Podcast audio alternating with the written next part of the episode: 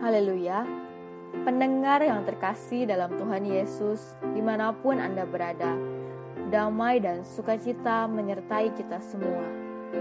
Renungan sauh bagi jiwa yang disajikan gereja Yesus sejati berjudul Saul dan Saulus.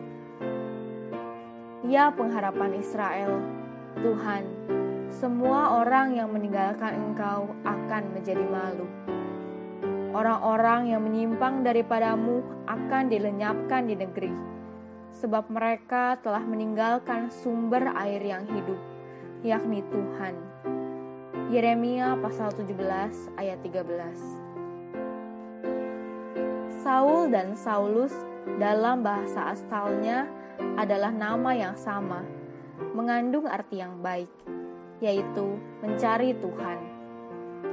Di kitab Perjanjian Lama ada seorang yang terkenal, yaitu Saul. Sedangkan di kitab Perjanjian Baru ada seorang yang terkenal, yaitu Saulus. Saul adalah raja pertama dari Israel, sedangkan Saulus di Perjanjian Baru adalah seorang yang pernah menganiaya umat Kristen, tetapi kemudian dipilih oleh Allah menjadi rasul Tuhan. Saul sebelum menjadi raja adalah seorang yang lumayan baik. Tetapi setelah menjadi raja, dia merasakan nikmatnya kekuasaan. Dia berubah total. Dia tidak lagi taat pada perintah Allah dan menghindar dari tanggung jawab. Sebagai raja, dia tidak lagi memikirkan bagaimana menunaikan amanat yang diserahkan Allah kepadanya yaitu bertanggung jawab mengurus bangsa Israel. Sebaliknya, dia sibuk mengejar Daud dengan tujuan membunuhnya. Maka akhir hidupnya sangat tragis. Dia menyaksikan tiga anak laki-lakinya tewas di tangan orang Filistin. Sedangkan dia sendiri juga mengakhiri hidupnya dengan bunuh diri. Setelah mati, kepalanya dipancung oleh orang Filistin dan mayatnya dipaku di tembok kota orang Filistin. 1 Samuel pasal 31 ayat 1 sampai 10. Kesudahan seperti ini sungguh mengenaskan. Betapa gugur pahlawan, betapa ia tewas.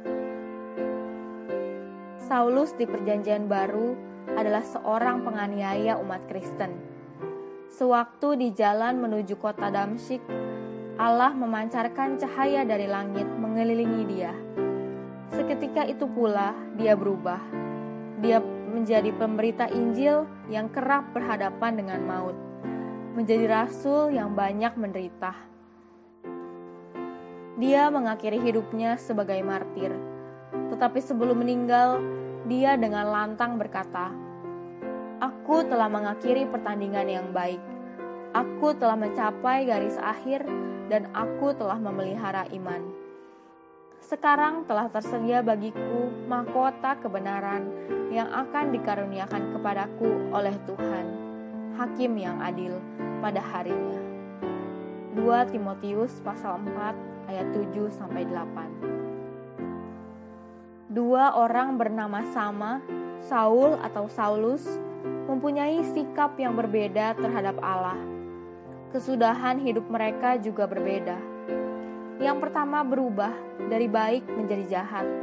Nasibnya membuat orang miris. Yang kedua berubah dari jahat menjadi baik. Hidupnya membuat banyak orang takjub dan kagum. Saul memilih memakai ketopong buatan tangan manusia. Dia terus berusaha mempertahankan singgasananya tetapi akhirnya kehilangan semuanya. Rasul Paulus yang tadinya bernama Saulus memakai seluruh perlengkapan senjata Allah. Efesus pasal 6 ayat 13 sampai 17. Seumur hidupnya bertempur demi Allah. Walaupun dia mengalami banyak sekali kesusahan, tetapi bagi dia tersedia mahkota kebenaran di sorga yang dikaruniakan oleh Allah. Kiranya kita bisa menilai kembali perjalanan hidup kita sebelum kita meninggal dunia. Periksalah apakah hidup kita sudah sesuai dengan nama kita yang mengandung arti yang baik. Apakah sudah memuliakan Allah dan mendatangkan hidup kekal? Setiap orang yang meninggalkan Allah akan menanggung malu, sama seperti Raja Saul yang meninggalkan Allah. Dia meninggalkan sumber air yang hidup.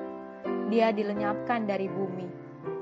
Tetapi Rasul Paulus yang meraih Allah, namanya tertulis di kitab kehidupan yang kekal. Dia akan bersama-sama Allah di sorga. Tuhan Yesus menyertai kita semua. Amin.